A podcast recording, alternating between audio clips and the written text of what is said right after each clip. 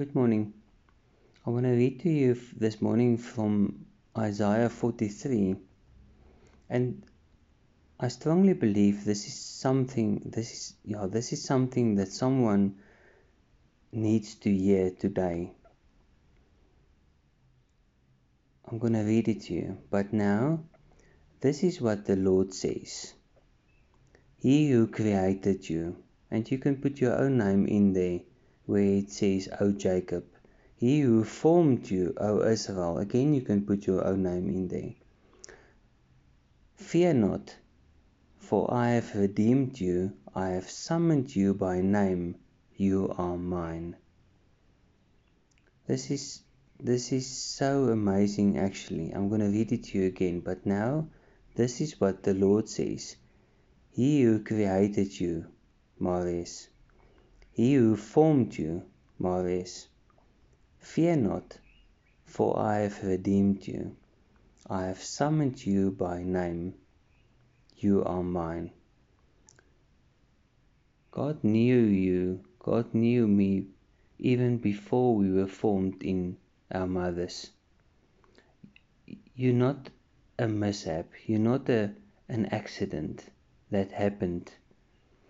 You're not the result, the sum of two people that thought they're going to have a child. God knew you even before there was thoughts of having a child, having someone born. And the amazing part is this fear not. Maybe some someone said something to you and and you feel less about yourself than you should, than, than what you ought to. Someone said something about your ears or your nose or your hair or your stomach or your whatever, something, and you're not feeling, you're not happy. And this is this is what God says Fear not, for I have redeemed you. Jesus paid the price for each and every one. I have summoned you by name, you are mine. So you can know, you can you can walk proud, you can lift your chin up, you're a king, you're a king's son or daughter, so you you you're royalty. You can be proud of who you are because of who you who made you and God made you.